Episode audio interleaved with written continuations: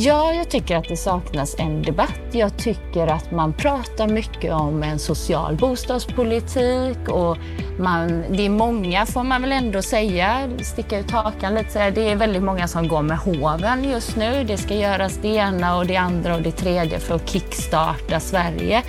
Men, men jag tycker att eh, det finns liksom inget som gör någon reell skillnad. Det saknas en debatt om hur vi kan möta en av våra mest akuta frågor just nu. Det som görs just nu med exempelvis omstartskommissionens arbete, det räcker inte, utan det är bara en summering av det som tidigare gjorts. Ja, det här, det menar dagens gäst Marie Tillander Dellhag. Hör henne berätta om miljonprogram 2.0 och på vilket sätt priset på nybyggda bostäder skulle kunna sänkas avsevärt så att fler skulle ha råd att bo. Varmt välkommen till Bopolpodden den här veckan med mig, Anna Bellman. Sist i det här programmet så kommer en repris av veckans Aktuellt från i fredags om du missade det då. Där tar Lennart Weiss upp att Finansinspektionens kommentar på effekterna av höjda riskvikter för bankerna saknar all trovärdighet. Han menar att Peab borde hantera sin krishantering mer transparent och att förslaget att stärka folkbokföringen i områden med stor trångboddhet, det är ett myrsteg i rätt riktning. Men det behövs betydligt mer för att komma till rätta med problemen i våra utsatta områden. Bopolpodden det är en del av bostadspolitik.se. Där kan du hitta fler artiklar, nyheter och rapporter om bostadspolitiska frågor. Varmt välkommen dit och varmt välkommen till det här programmet av Bopolpodden.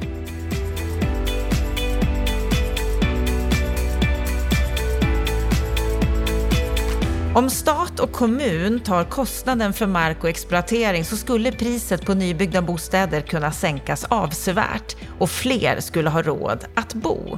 Det skulle revolutionera tillgängligheten på bostadsmarknaden. Ja, det menar dagens gäst Marie Tillander Dellhag. Varmt välkommen till Bopolpodden Marie. Tackar, tackar. Du, vad är din sinnesstämning idag? Ja, eh, det har varit en fullspäckad dag. Vi har haft möte med vår ledningsgrupp. Vi har diskuterat strategier och vi har pratat mål på lång sikt.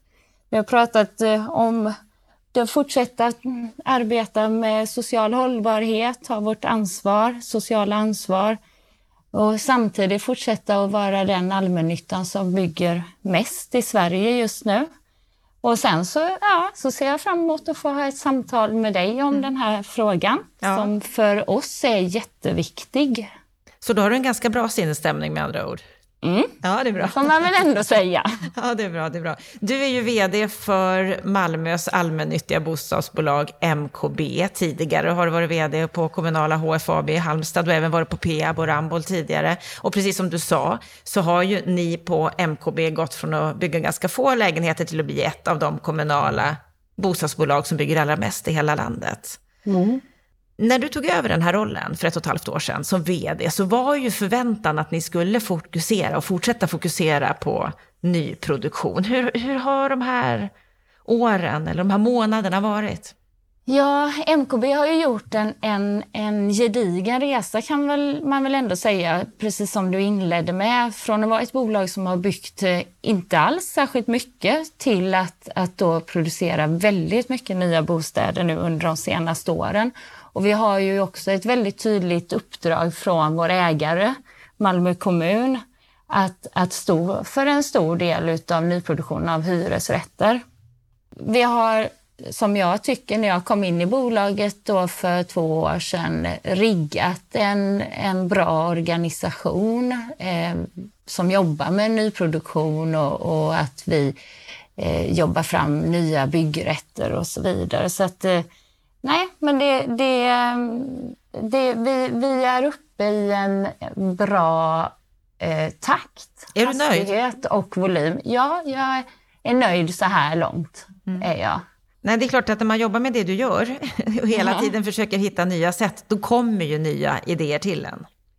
Jo, men det gör ju det och, och, och jag kan också eh, känna att med min bakgrund, jag har jobbat många år inom eh, entreprenadbranschen och jag har eh, jobbat med projekt. Och jag ser ju också eh, var kostnaderna ligger. Och jag ser också nu efter de här åren som byggherre inom allmännyttan ser jag ju ännu tydligare hur kostnadsbilden ser ut för oss då som bygger för egen förvaltning kopplat till hyressättning och, och, och den typen av frågor. På bostadspolitik.se så skrev du en debattartikel alldeles nyligen här där du efterlyser en debatt om hur vi kan möta en av våra mest akuta frågor just nu, nämligen den då om hur vi kan bygga bostäder som fler har råd med. Tycker du att det saknas en debatt om det här? Ja, jag tycker att det saknas en debatt. Jag tycker att man pratar mycket om en social bostadspolitik och man, det är många, får man väl ändå säga, sticka ut hakan lite, säga, det är väldigt många som går med hoven just nu. Det ska göras det ena och det andra och det tredje för att kickstarta Sverige.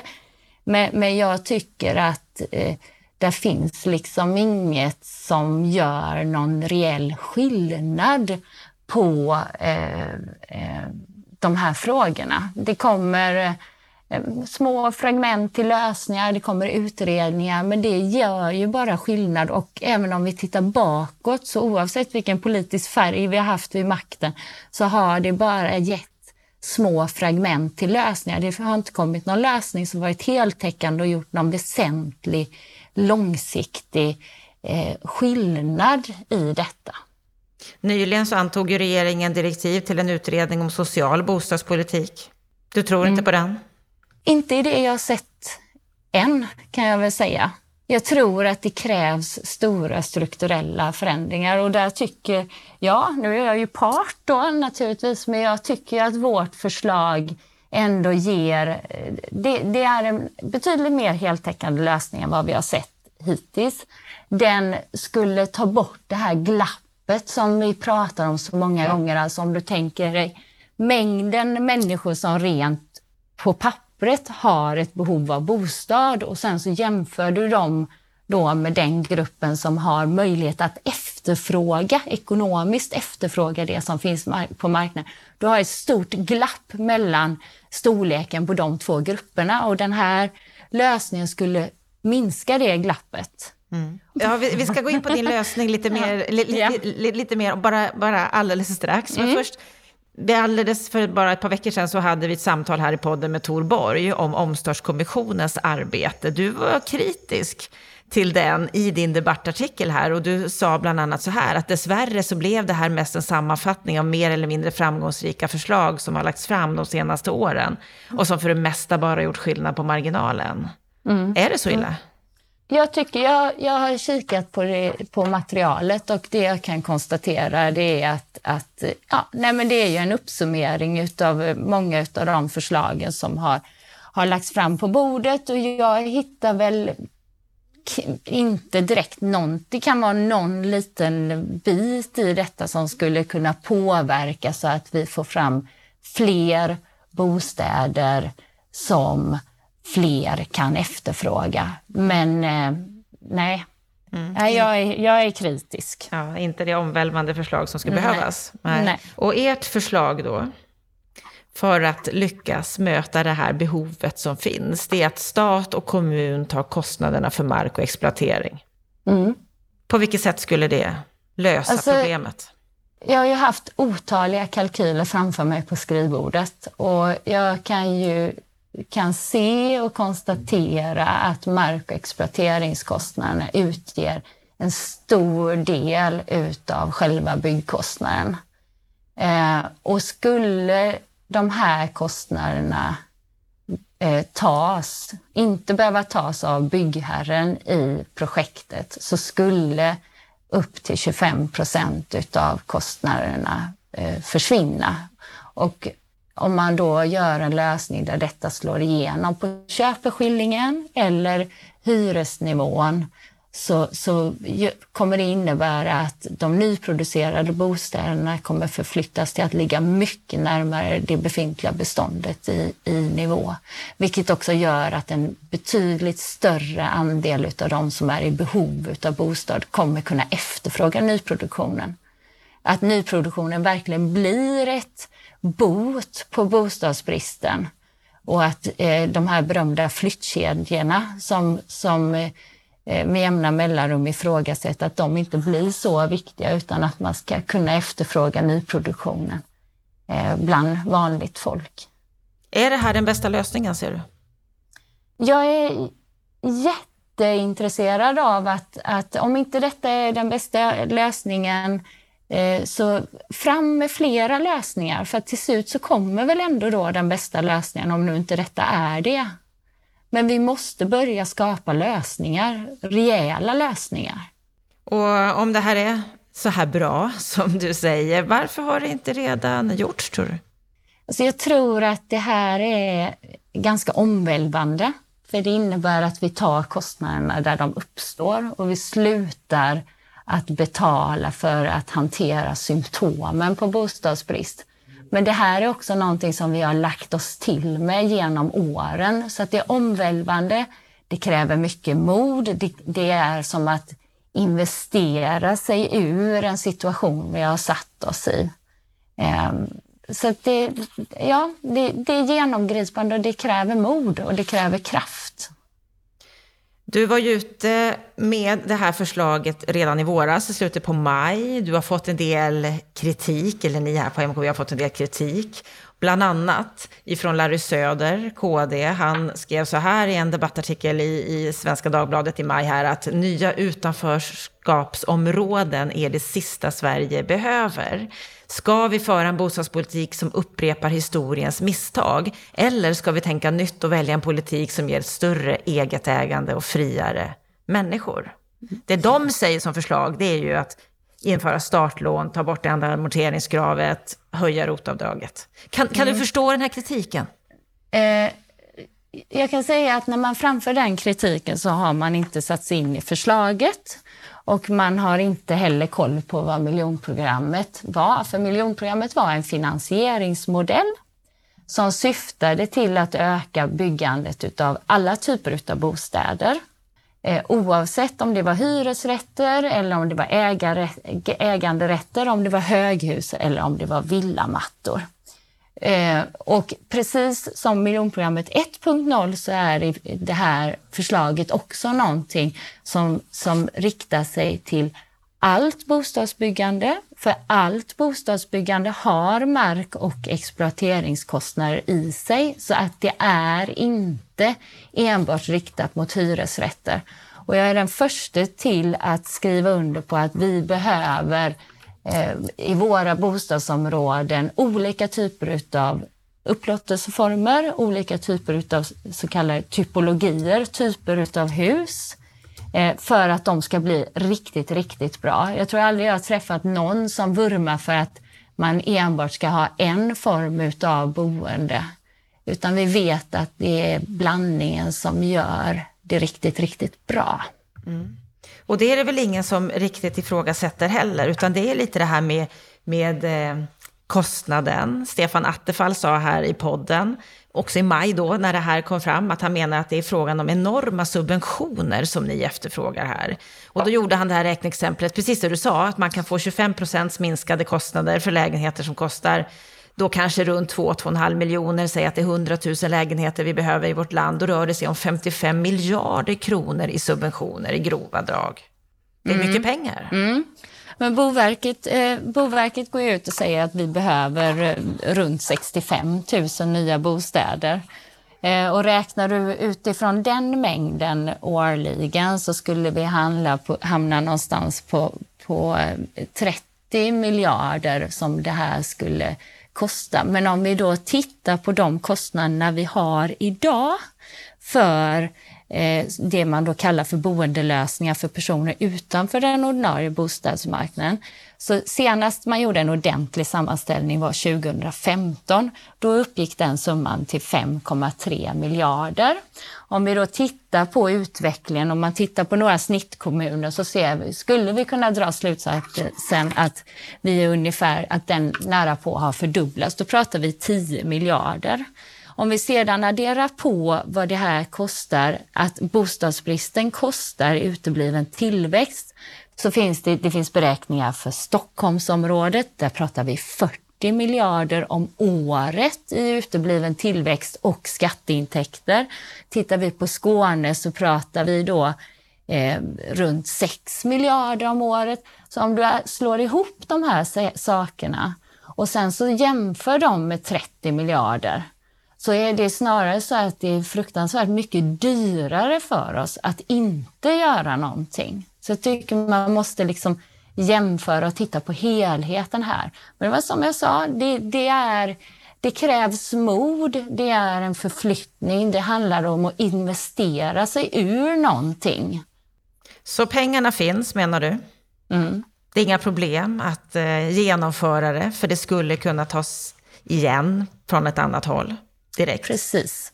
Betydligt mycket effektivare att ta kostnaderna och åtgärda problemet där det uppstår istället för att hålla på och betala för symptomen. Men blir inte det här en väldigt stor subvention för storstäderna där ju markpriserna är höga? Jag tänker att det är en tala om en rättvisefråga, att regionalpolitiskt lite snedvriden subvention som ju inte gynnar landet i Sverige.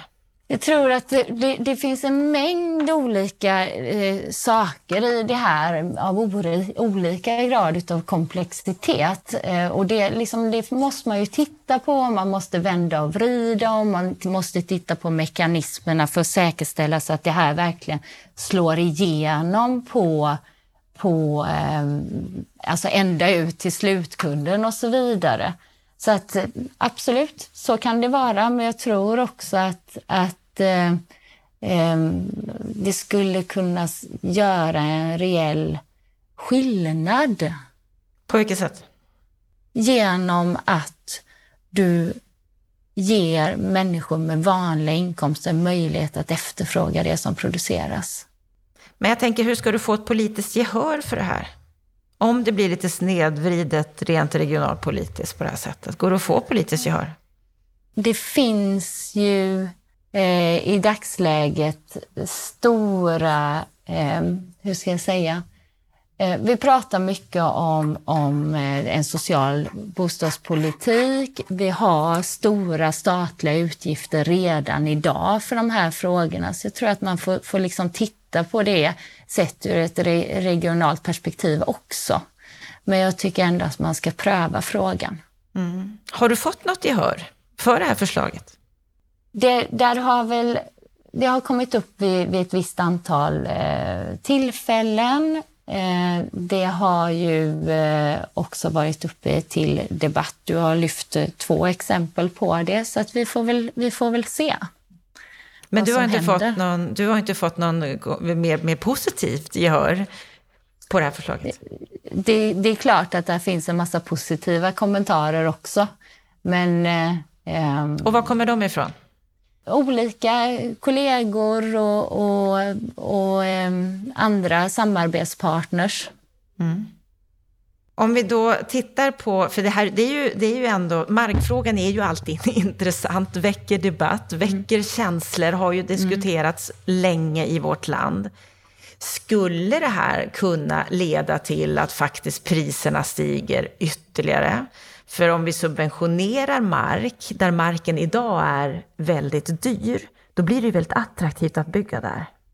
Ja, kan var, vi snarare se en motsatt effekt till det du faktiskt vill se? Men det var, och det, det var som jag sa det alldeles nyss, liksom, att det handlar ju om att när man utformar den här modellen eh, mer i detalj om man skulle göra det så handlar det ju bland annat om att säkerställa att det inte får den effekten utan att det här verkligen slår igenom ända ut till, eh, till eh, den boende. Och det går att göra menar du? Jag utgår från att det eh, mm. går att göra. Det finns mycket skaparkraft kan jag tänka mig. Mycket skaparkraft, det behövs riktlinjer. Mm. Funkar det? Vi, vi, har, vi har ju ett läge idag där så gott som varje kommun har en utbyggnadsstrategi som inriktar sig på förtätning att det är rationellt sett ur infrastrukturperspektiv och så vidare. Vi vill förtäta våra städer, vi vill inte ta jordbruksmark i, i anspråk och vi vill inte ta grönområden i anspråk. Men i förtätningens förutsättning så ligger att vi bygger på mark som redan har har haft ett annat användningsområde som ligger inne i städerna. Och redan där så har du en massa initiala kostnader som är förknippade med den här marken. Du har, eh, som vi råkar på väldigt många gånger, du har vattenledningsstråk, du har fjärrvärmestråk som ska förflyttas eh, innan man kan börja bygga, du har eh, parkeringsplatser som ska flyttas, du har vägar som ska läggas om och du har en mängd saker som egentligen är gemensamma nyttigheter som måste eh, tas om hand innan du kan börja bygga. Och sen så eh, kan jag också vara väldigt ärlig och säga att vi, har ju, vi ser ju en förkärlek från eh, kommunernas sida att gärna lägga in lite kostnader för utbyggnad utav cykelbanor runt området, några lite större lekplatser, det är torgytor och, och den typen av saker också som åläggs byggherren. Vilket gör att alla de här inrättningarna eller installationerna, kostnaderna för det, det drabbar ju den som bor, kommer bo i den framtida fastigheten medan det i själva verket är allmänna nyttigheter, sånt som kan åtnjutas av alla i staden.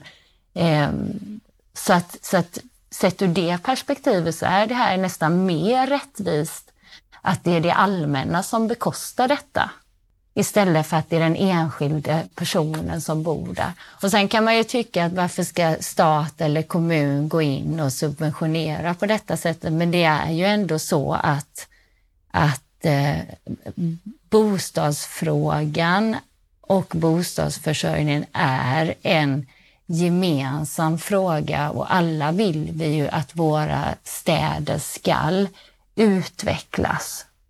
Viktigt för alla medborgare med samhällsutvecklingen. Men vad, vad, skulle du säga, vad är, vad är svårigheten som du ser att få igenom det här förslaget om ett miljonprogram 2.0 som ni kallar det?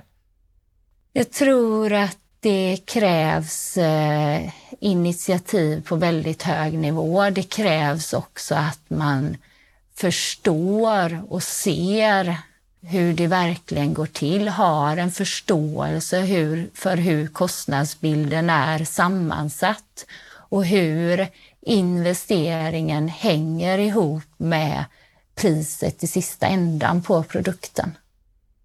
Och, och, det finns också tyvärr någon form av grundläggande tro om att, att, att alla som producerar fastigheter skär guld med täljkniv och så är inte fallet. Nej, fast att tjäna på marken, det är också en allmän tro. Att det är viktiga pengar för kommunerna och så vidare. Ja, det är också en, en allmän tro. Men det är så att eh, kommunen i sådana fall tjänar på marken och, men man förlorar i andra änden för att man får eh, väldigt höga kostnader för de här tillfälliga boendelösningarna. Så ett nytt sätt att se på problematiken. Precis. Du skrev bland annat så här i, i, din debattartikel att en sån här kickstart skulle gälla i tio år framåt. Varför i tio år? Mm. Det är, ett, det är en tanke för att du förflyttar ju inte kostnaderna direkt. Att bygga bostäder, eh, vi vet att projekt tar några år. Eh, så att det krävs ju naturligtvis, det är ungefär som med, med det statliga stödet, eh, eh investeringsstödet för hyresbostäder. Alltså, det tar ju några år innan du kan se effekten och du får full effekt utav en sån här sak. Så att Tio år är väl ett, eh, en bra horisont. Det är ju också så att vi vet att, att eh, vi behöver, i fastighetsbranschen så behöver vi långsiktiga eh, spel, lång, eh, eh, vi behöver långsiktiga lösningar och inte eh, spelregler som förändras snabbt. Det går väldigt snabbt att stoppa ett projekt men det tar väldigt lång tid att starta ett projekt. Så långsiktiga lösningar som inte förändras. Eh, och jag tror också att om vi, om vi ska kunna se effekten eller vinsten av att fler får en hållbar bostadssituation och också klarar sig bättre i både arbetsliv och, och, och andra aspekter så är, behöver vi en lite längre tidshorisont på, för det. Mm. För det ligger ju en, en hel del andra demokratiska saker i detta. Vad vill du se från politiskt håll för att det här ska realiseras? en ordentlig eh, utredning som sätter, ställer saker och ting på sin spets. Och naturligtvis också belyser då de här farhågorna som du lyfter kring det regionala perspektivet, kring eh, risken att det skulle driva upp eh, markkostnader och sådant naturligtvis. För det är ju sånt som måste värderas och hanteras. Du, eh, du avslutar din debattartikel med att skriva så här, att jag är säker på att många skruvar på sig i stolen och har åsikter om det här förslaget, som liksom allt har både för och nackdelar. Håller du inte med, vilka är då dina bästa förslag och argument? Mm. Varför efterfrågar du andras förslag och argument? Nej, men jag tycker att vi har en eh, tendens till att gärna såga andras förslag men inte komma med något eget. Det är så lätt att säga att nej, det går inte och nej, nej, nej. Men kom med någonting själv då. då.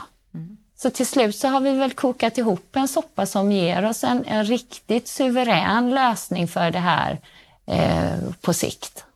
För behovet finns ju där nu. Behovet är jättestort och vi ser hela tiden effekterna på samhället eh, utav bostadsbristen och allt som det för med sig i kölvattnet. Mm. Det låter på dig som att det här är ett fantastiskt bra förslag, men att du också är öppen för att koka ihop det med andras förslag. Stämmer det? Ja, absolut. Absolut. Det viktigaste är att, att vi skapar ett system så att vi får, eh, får fram helt enkelt fler bostäder som, som fler har råd med. Att nyproduktionen på sikt kan bli ett botemedel på bostadsbristen. För vi ska inte tro att vi ska kunna producera 65 000 bostäder om året, nyproducera 65 000 bostäder om året och det ska råda bot på bostadsbristen. För det kommer det inte göra, för den mängden människor som behöver bostäder kommer inte kunna efterfråga den nyproduktionen så som den ser ut idag. Det gäller inte bara att bygga, det gäller att bygga så att andra har råd också. Mm. Mm. Stort tack för att du gästade Bopolpodden via länk, Marie Tellander Dellhag. Tack så mycket.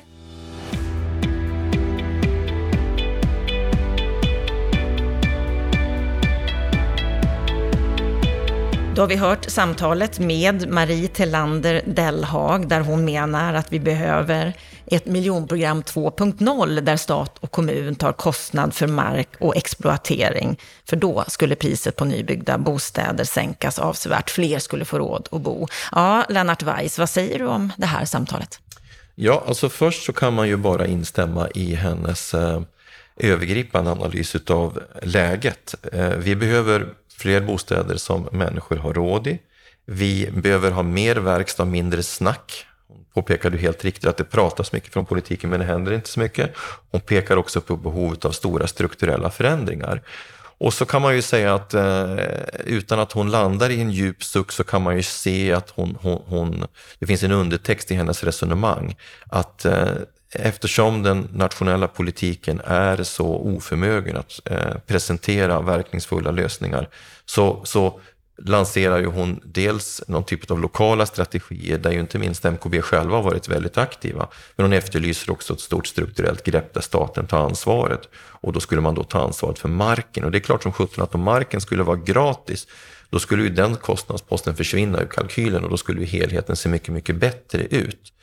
Eh, det finns en del problem med det där också, för jag menar bostäder, även om vi har en reglerad hyresmarknad så är ju trots allt inte bostäder kostnadsprissatta. De är ju bruksvärdesprissatta. De ska, de ska prissättas utifrån bruksvärdet, så exakt vilken effekt man skulle få, det är väl oklart. Men det är klart att om de ingående kostnaderna är lägre, då behöver du i, i så fall inte sätta de högre presumerade hyrorna som du har idag. Men det möter ju ändå en del problem, va? därför att för det första så det första problemet är utbudet av mark. Då måste det öka. Det ökar inte per automatik för att staten går in och subventionerar. Det skulle möjligen öka kommunernas intresse att öka planberedskapen, men det finns inget absolut samband. Utan då skulle man kunna säga så här att man, ska, man borde skärpa kravet på kommunerna att öka planberedskapen. Sen ska den här marken subventioneras och då betyder det att man ska ut med väldigt stora generella subventioner som så att säga eh, påverkar eh, produktionskostnaden på fastigheten. Och sådana verktyg har vi ju testat förr i svensk bostadspolitisk historia. Det blir väldigt dyrt. Det blir väldigt, väldigt dyrt. Något som också Stefan Attefall har påpekat. Så frågan är ju, om man nu ska lösa bostadskrisen, ska man gå tillbaka till den gamla politiken med väldigt generella eh, och kostsamma eh, subventioner eller ska man söka en mer selektiv väg? Eller som jag brukar säga, ska man stötta och subventionera hushållen eller ska man stötta och subventionera fastigheter? Jag själv gillar ju mera idén att stötta individer. Därför att alla individer har inte behovet av generella subventioner. Eh, jag menar, både du och jag är ganska välbeställda. Varför ska en hyresrätt som vi efter, vill efterfråga vara subventionerad? Det snedvrider i så fall hela marknaden, även för ägda bostäder. Så det får ett antal konsekvenser som, som inte är så positiva. Jag skulle på temat strukturella åtgärder från statens sida snarare vilja gå in i kreditgivningen. Och då pratar jag om den samlade kreditgivningen. Och jag har ju själv lanserat tanken om en sorts mellankapitalfinansiering för att minska behovet av eget kapital, som ju är dyrt. Och, och, och kunna så att säga finansiera ett bostadsprojekt med eh, samma pris på, på, på, på allt kapital eller merparten av kapital som du har på lånat kapital. Det skulle liksom sänka de ingående finansiella kostnaderna och få en påverkan på hyrorna på, som jag har räknat då, på en, med en 15-20 procent. Och det är inte kattskit det heller. Så att, eh, det, det, är en annan väg. Genom att öka utbudet av mark så främjar du konkurrensen. Eh, och, och sen kan man naturligtvis göra en hel del fortfarande på att effektivisera produktionen, släppa fram typhus och annat. Så jag säger så här, jag tycker att hon jag förstår hennes sätt att tänka. Jag är sympatiskt inställd till åtgärder som främjar bostadsmarknaden och framförallt inslaget av en social bostadsmarknad. Jag, skulle, jag har själv ett starkare preferenser för andra typer av förslag. Men jag förstår att hon lägger den här typen av förslag. Jag, jag, jag tycker det är positivt att hon och andra vdar som har förmåga att räkna och kalkylera gör det. Därför att bara det bidrar till att flytta fram debatten. Och sen är ju överhuvudtaget MKB ett väldigt trovärdigt företag i de här sammanhangen. För de har ju verkligen gjort mycket för att öka byggtakten i Malmö. Så till den grad att man undrar, undrar om det verkligen finns efterfrågan på alla dessa bostads, eh, hyresbostäder. Men, men eh, eh, det ligger väl i linje, hennes agerande och hennes förslag i det här avseendet ligger väl i linje med deras eget agerande. Så de är i högsta grad trovärdiga. Hon eh, efterlyser ju en debatt. Hon menar att debatten inte finns idag. Håller du med om det? Ja, det gör jag. Ehm, det är ju därför som många av oss i branschen är mer och mer frustrerade. Därför att problemanalysen den har ju gjorts sedan länge. Det finns hur mycket förslag som helst. Eh, det var som när jag presenterade S-rapporten för Göran Persson. Då, till slut så sa han, men du Lennart, både du och jag vet att det här är ju ingen rocket science. Om du och jag och två utredare satt oss ner i tre dagar så skulle vi skriva ihop det program som krävs för att lösa det här. Exakt, sa att Göran. Så varför händer det inte? Ja, därför att det finns ett, ett motstånd i det politiska systemet. Det politiska systemet har inte bostadsfrågan högst upp. Bostadsfrågan har separerats från den samlade välfärdspolitiken vilket gör att det är relativt svaga politikområden som, som agerar i de här frågorna. Och vi har ju Peter Eriksson undantagen och, och, undantagen och, och om vi går tillbaka till Stefan Attefall för några år sedan haft väldigt svaga eh, ministrar på den här posten. Jag menar, Bolund har skickat upp en del röksignaler men han börjar ju mer och mer glida ner på samma katastrofnivå som med Mehmet Kaplan. Eh, och, och, det är verkligen inget gott betyg. Eh, Miljöpartiet har lagt beslag på alla väsentliga funktioner inom bostadspolitiken, det vill säga ordföranden i civilutskottet, ministern och ordföranden i den här bostadssociala utredningen som nu är tillsatt. Det är både Emma och, och, och eh, eh Carolina Skog är ju bra personer, men de väger ändå ganska lätt emot Finansdepartementet och den socialdemokratiska delen av, av, av eh, Finansdepartementet visar ju inte de här frågorna det intresse och den uppmärksamhet som krävs heller. Och eftersom det inte får någon uppmärksamhet, eftersom alla andra förslag som har lagts fram, de får inte heller gehör, kan det här förslaget ändå som Marie har lagt leda någonstans? Nej, jag tror tyvärr inte det det kommer att sorteras in bland andra vällovliga förslag. Eh, utan eh, jag tror istället att det vi är på väg emot det är desperata nödlösningar av typen någon sorts svensk variant av social housing som kommer bli väldigt dyrt, som kommer att förstärka den sociala segregationen och som i andra änden kommer bli det perfekta alibit för införandet av marknadshyror i den andra delen av beståndet. Och det är ju två dåliga effekter utav ett problem som skulle kunna lösas på många andra sätt. Då har vi hört samtalet med Marie Tellander Dellhag, vi har hört Lennarts kommentar på det. Båda är överens om att debatten saknas, men de har helt olika förslag på lösningen. Nu ska vi gå vidare till det viktigaste som hände inom bostadspolitiken under förra veckan. En repris av veckans Aktuellt som sändes i fredags. Under veckan som har gått så har vi några saker att ta upp. Bland annat så har vi Ekonomiekot där du var med i måndags, Lennart, och där Finansinspektionen kommenterade. Vad, vad handlade det här om? Ja, det handlade ju om eh, de ökade eh, kapitalkrav som bankerna kommer att ställas inför från den 1 december när det gäller kommersiella fastigheter. Det här är värt en lite längre utläggning vid ett annat tillfälle, men vad det kort handlar om det är att man vrider upp de så kallade riskvikterna i banksystemet, vilket innebär att de måste hålla mer eget kapital i förhållande till sin utlåning. Och det, får ju, och det fungerar i praktiken som en räntehöjning, därför att om banken måste hålla mer eget kapital, då måste de ju lägga ett avkastningskrav på det kapitalet. Och det är ju alltid eh, rätt så höga avkastningskrav. Och då har ju vi i, våra, i ett antal analyser här då, eh, som vi har gjort eh, kunnat visa att det här kommer få väldigt stora effekter på på eh, priset på pengar helt enkelt för bostadsbyggande. Och för bostadsfastigheter som ju har väldigt låga kreditrisker så får det rätt stora effekter därför att nu går man ju bort ifrån en, en gammaldags ska vi säga, selektiv kreditprövning till en mer regelstyrd. Och det här kommer i praktiken att leda till dyrare, ny, dyrare nyproduktion och därmed sannolikt eh, lägre nybyggande därför att eh, effekten av det här plus bankskatten som kommer nästa år och nya Baselkrav 2023, det kommer att innebära ungefär en räntehöjning på 1% Och om man ska förstå det i en avkastningskalkyl för vid bygget av en nyproducerad fastighet så handlar det om att hyrorna för en trea på 70 kvadrat kommer att gå upp med ungefär, nästan 3 000 kronor i månaden. Och då betyder ju det att en, en, en trea på 70 kvadrat som du bygger i Stockholmsområdet idag, som redan kostar 12 500, ska kosta över 15 000. Så att det är klart att det kommer att eh, slå väldigt hårt. Och det var det som då Ekot gjorde ett inslag på, som var väldigt kort, inte särskilt bra om du frågar mig, och som Finansinspektionen kommenterade. Och vad säger du om deras kommentar? Ja, för det första så är det ju lite komiskt. Eh, de väljer ju väldigt medvetet att tona ner det här så att eh, det de gör är att de skickar fram en tjänsteman på låg nivå, typisk härskarteknik för att markera eh, frågans bristande betydelse eller möjligen eh, sändarens eh, låga betydelse. Men det kan man hoppa bock över. Vad han säger i sak, det är att eh, Konsekvenserna kommer inte alls bli så stora som bankerna själva hävdar, utan med högre kapitalkrav i banksystemet så ökar bankernas eh, motståndskraft och därmed så kommer bankerna att refinansiera sig till lägre pris, det vill säga man kommer att eh, få lägre räntor eh, på de pengar man lånar upp än, än under nu, nuvarande omständigheter. Och det är ju en ganska fantastisk logik, för det betyder att om man skickar upp kapitalkraven till en absolut nivå, då kommer väl räntorna snart vara noll, för då är risken noll. Fast det är klart, då finns ju risken att hushållen kommer låna mer. Då kommer ju risken att öka, så då måste vi ha ännu mer kreditrestriktioner. Nej, ärligt talat, det här är så dumt så att eh, jag förstår inte eh, att de orkar på Finansinspektionen. Vi har under de senaste åren fått en serie kreditrestriktioner riktade mot hushållen. Har priset på pengar gått ner ifrån bankerna? Har räntespreadarna minskat? Nej, det har de inte. De har tvärtom på senare tid ökat. Så att det här sambandet finns ju inte alls, utan det är tvärtom så att det här handlar om ren och skär företagsekonomi. Om man måste binda mer eget kapital, då läggs det en kalkylränta på det. Den kalkylräntan kommer att transporteras ut mot kunden och då får den effekt ut mot, mot byggandet och mot hushållen. Så fungerar det.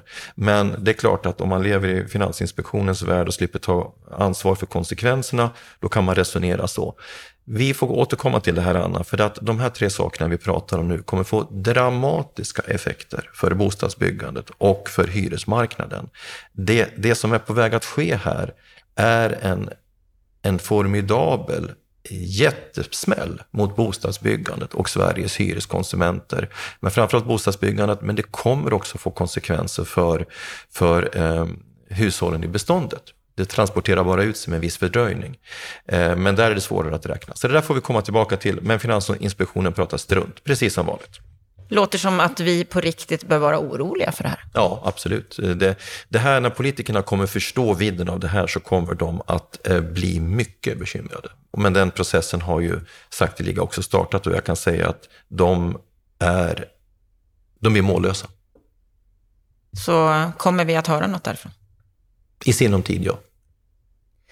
Om vi går vidare med veckans Aktuellt så i onsdags kväll sändes program nummer två i Uppdrag granskning om härvan kanske vi ska kalla det för, med Peab, eller Peab lokalt i alla fall, i Sigtuna. Vad kom fram i det här programmet?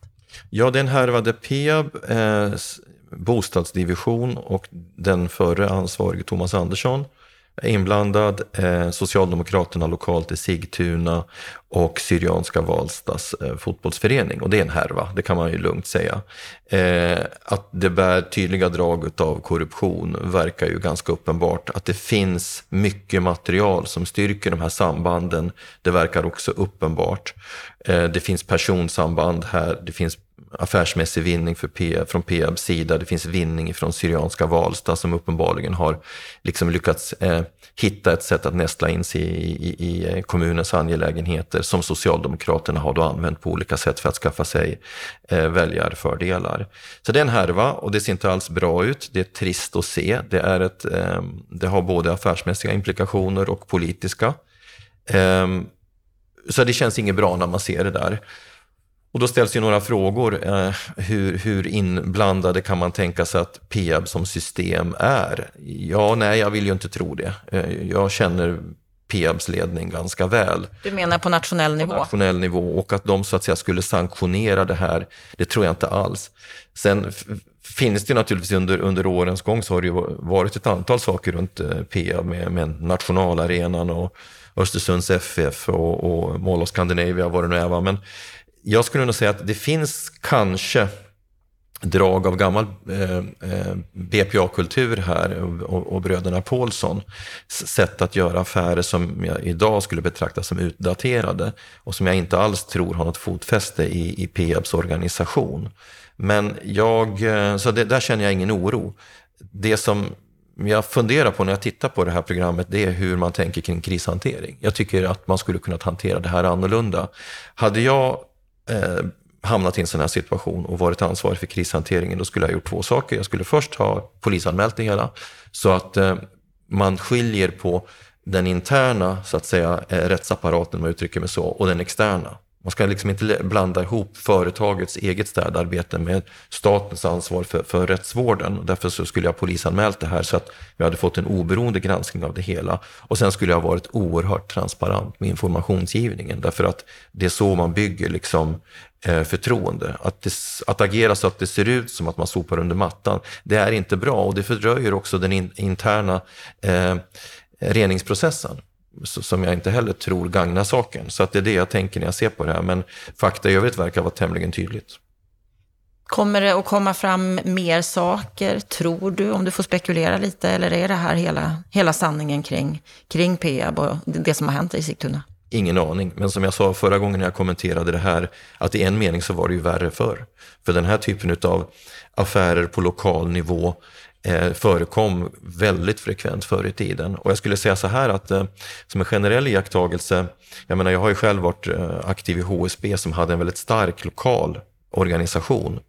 Eh, kooperationen har ju haft utav tradition i sina föreningar. Och företag som också har en väldigt stark lokal affärsmässig förankring löper större risk att drabbas av sånt här. Därför att de är på ett armlängds avstånd ifrån huvudkontoret, de har större manöverutrymme. Och, har de då, och finns det då väldigt starka personsamband, man går och tittar på hockey ihop, fotboll och vad man nu gör, va? så finns det ju risk att sånt här, eh, man glider in i en gråzon som till slut blir någonting mycket värre. Så det du skulle önska från Peab, det var en, en bättre krishantering, tydligare transparens och att de håller i sina lokala organisationer lite bättre. Jag är ju branschkollega så att jag ska inte peka finger åt, åt dem. Jag tycker det är bra folk i ledningen, jag säger det igen. Ehm, så att jag behöver inte utfärda några rekommendationer, men jag säger hur jag skulle ha gjort om jag hade varit i då går vi vidare och eh, konstaterar, eller rättare sagt så är det Riksrevisionen som har konstaterat att det finns brister i skyddet för köpare av nyproducerade bostadsrätter. De vill att regeringen ser över bestämmelserna. Vad är det här för rekommendation? Ja, det är inget nytt egentligen. Den här frågan har varit uppe förr via Boverket. Det handlar alltså, den, den här rapporten du refererar till heter Konsumentskydd vid köp av nyproducerad bostadsrätt RRV 2020 3. Den kom redan i februari. Jag kan vara ärlig och säga att den här gled under min radar, så jag har fått ett tips av en person som jobbar med sådana här frågor och, och, och tittat på den och konstaterar att man för samma resonemang som Boverket gjorde för ett par, tre år sedan som ledde till det här branschinitiativet Trygg BRF, eller det heter numera Trygg bostadsmarknad i Sverige, bostadsrättsmarknad i Sverige, som ju är ett sätt att självsanera eh, eh, ska säga, procedurerna, rutinerna kring köp av bostadsrätt så att de är eh, rättssäkra och trygga på alla sätt för konsumenterna. Det de ju påpekar i Riksrevisionens rapport är att Trygg BRF så att säga saknar en pusselbit, nämligen en, en tydlig riskanalys mot kunden när det gäller nya projekt. Det är möjligt att det är en riktig synpunkt som Trygg BRF bör plocka upp. Men deras förslag att man ska införa någon sorts mekanism i köpet av nyproducerad eh, hyres, eh, bostadsrätt med innebörd att det ska finnas en prisfallsgaranti, det kan de inte ha tänkt igenom.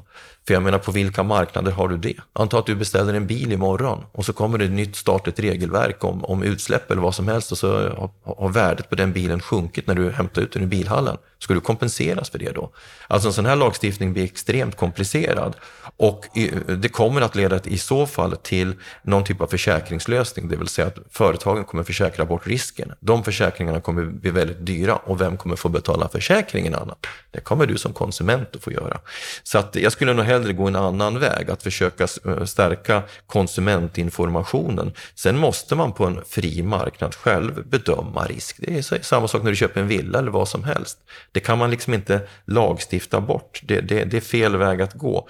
Jag tycker det är rätt väg att gå som branschen har gjort, att man har skapat e-, e-, ett, eget organ för att självsanera det här. Det är bra. Och där skulle jag vilja se mer aktivitet från Trygg BRF. De är lite för anonyma idag. De behöver komma ut i offentligheten och fler företag behöver ansluta sig till, den, till den, det samarbetet. Men någon ansträngning från regeringen, det tycker du inte behövs? Det vore fullständigt barockt därför att det, skulle man eh, gå på Riksrevisionens linje rakt av, då kommer det återigen bli en konsekvens som transporterar ut sig i form av högre kostnader som kommer att påverka nyproduktionen. Alltså byggandet. Det sista vi ska ta upp idag i veckans Aktuellt, det handlar om att regeringen avsätter 63 miljoner för att stärka folkbokföringen i områden med stor trångboddhet. Mm. Är det här bra? Ja, det är ju ett utflöde av den allt hetsigare debatten om våldet, gängkriminaliteten, skjutningarna och eh, migrationen. Det är lite fascinerande att se på hur den här debatten förs idag. Du kan ju själv tänka dig tillbaka till 2013, 14, 15. Då var humanismen i, i högsätet. Eh, då skulle vi öppna våra hjärtan och eh, vi stod på de svaga sida. Då var vi i det diket och såg liksom inte en annan aspekt av det hela. Nu är vi ett annat dike. Nu har vi till och med en partiledare som tycker att man med SIDA-pengar ska bygga fängelser utomlands och skicka migranterna dit som är våldsbenägna, brottsbenägna. Eh, det säger lite om ytterligheternas eh, bristande, ska säga, eh, logik och, brist på, på helhetssyn. Det blir desperat. Folkbokföringsåtgärden tycker jag dock är en bra idé, därför att vi har ett problem i de segregerade förorterna och det är lika bra att kalla en spade för en spade. Vi har segregerade förorter med stora problem och de fungerar som en grogrund för de här avarterna som vi definitivt vill ha bort. Och för att kunna få koll så måste du på en grundläggande nivå veta vilka människor som bor i, i bostäderna. Och där har vi ett problem idag. Det, det är gott om fastighetsägare som vittnar om att man har hyrt ut till en person och så plötsligt när man kommer dit på ett besök eller en fastighetsskötare i huset så bor det 20 personer där. Och så kan vi inte ha det. Det, det är inte bra uh, ur någon synvinkel. Det här är ju liksom en kritik mot hela EBO-lagstiftningen som har gjort att samhället har överlåtit ansvaret för migranternas eh, bostadssituation på de enskilda individerna och då uppstår det lösningar som skapar oerhörda avarter. Så folkbokföringen är ett sätt att börja skaffa sig kontroll. Jag tycker det är bra. Och sen behövs det ett antal åtgärder både socialpolitiska, bostadspolitiska, rättspolitiska och vad det nu är för att vända den här trenden. Det behövs ett gigantiskt paket för att eh, lyfta de segregerade förorterna. Och, och, och det är ju det som man borde ställa i förgrunden, därför att Ingen tror ju att vi kan skicka tillbaka hundratusentals människor för till varifrån de kommer. Det, det, det, har vi liksom inte ens, eh, det skulle strida mot folkrätten och asylregelverket och alltihopa.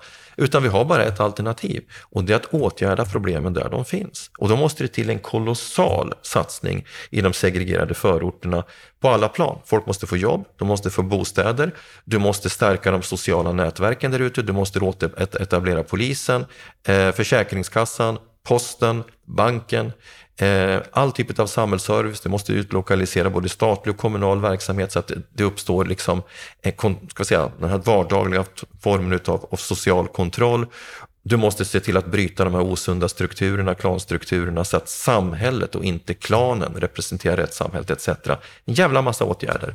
Och man kan kort och gott säga så här, att Sverige står inför två kolossalt stora hållbarhetsutmaningar som vi måste klara. Det är klimatutmaningen och det är den sociala eh, hållbarheten. Klarar vi inte de två sakerna, då kommer inte Sverige och då kommer inte våra levnadsförhållanden se ut som vi önskar om 5-10 år. Det här handlar liksom om, om den sociala tilliten på en grundläggande nivå. Folkbokföringen är ett myrsteg i rätt riktning, men det krävs väldigt mycket mer. Och även Moderaterna har ju sagt att de vill ta ett ännu större grepp än de här 63 miljonerna. Så det är ett steg i rätt riktning, men det behövs mycket mer. Ja, vad gäller folkbokföringen så vill ju de genomföra en nationell folkbokföring och det är tydligen väldigt dyrt. Jag, jag kan inte det. Eh, det är möjligt att det var motiverat, men helt enkelt är jättedyrt. Men nu tar man det här första steget och det är i varje fall bra. Men det vore ju bra nu om de politiska partierna slutade ägna sig åt symbolpolitik och, och tillsammans satte sig ner och funderade på hur man ska få till detta sociala häv som ett måste. Det var allt från oss på Bopolpodden för den här gången. Nästa vecka får du träffa Daniel Waldenström på Institutet för näringslivsforskning i ett samtal om ekonomisk ojämlikhet och fastighetsskattens betydelse. Tack för att du har lyssnat. Jag önskar dig en riktigt fin vecka.